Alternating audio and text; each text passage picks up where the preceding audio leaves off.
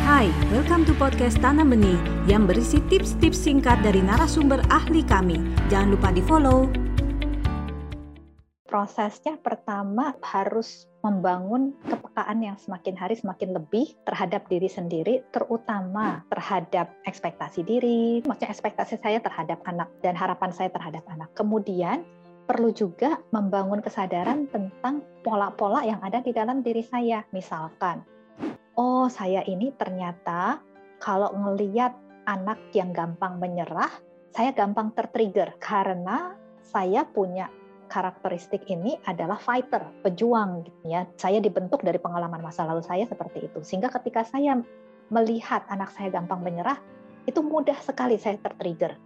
Nah, itu kan juga kesadaran diri. Dan ketika saya punya kesadaran diri yang lebih baik, balik lagi saya punya pilihan.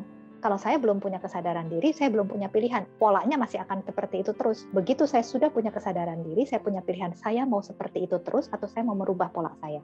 Nah, begitu saya mau merubah pola saya, di situlah saya harus melakukan tindakan-tindakan yang spesifik untuk bisa fokus kepada proses. Kenapa? Karena fokus pada proses sekali lagi sangat dipengaruhi oleh satu ekspektasi saya dan harapan saya. Bisa nggak saya kelola itu? Yang kedua, bagaimana saya mengelola emosi saya? Kalau saya tidak peka atau tidak paham terhadap apa nih yang menjadi trigger-trigger emosi saya, tentu saya akan sulit mengelola emosi saya. Dan kalau saya sulit mengelola emosi saya, pasti saya akan sulit untuk bisa melakukan pendekatan parenting with heart.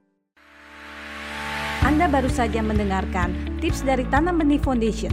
Mari bersama-sama kita terus belajar untuk menjadi orang tua yang lebih baik demi generasi yang lebih baik. Jangan lupa follow podcast kami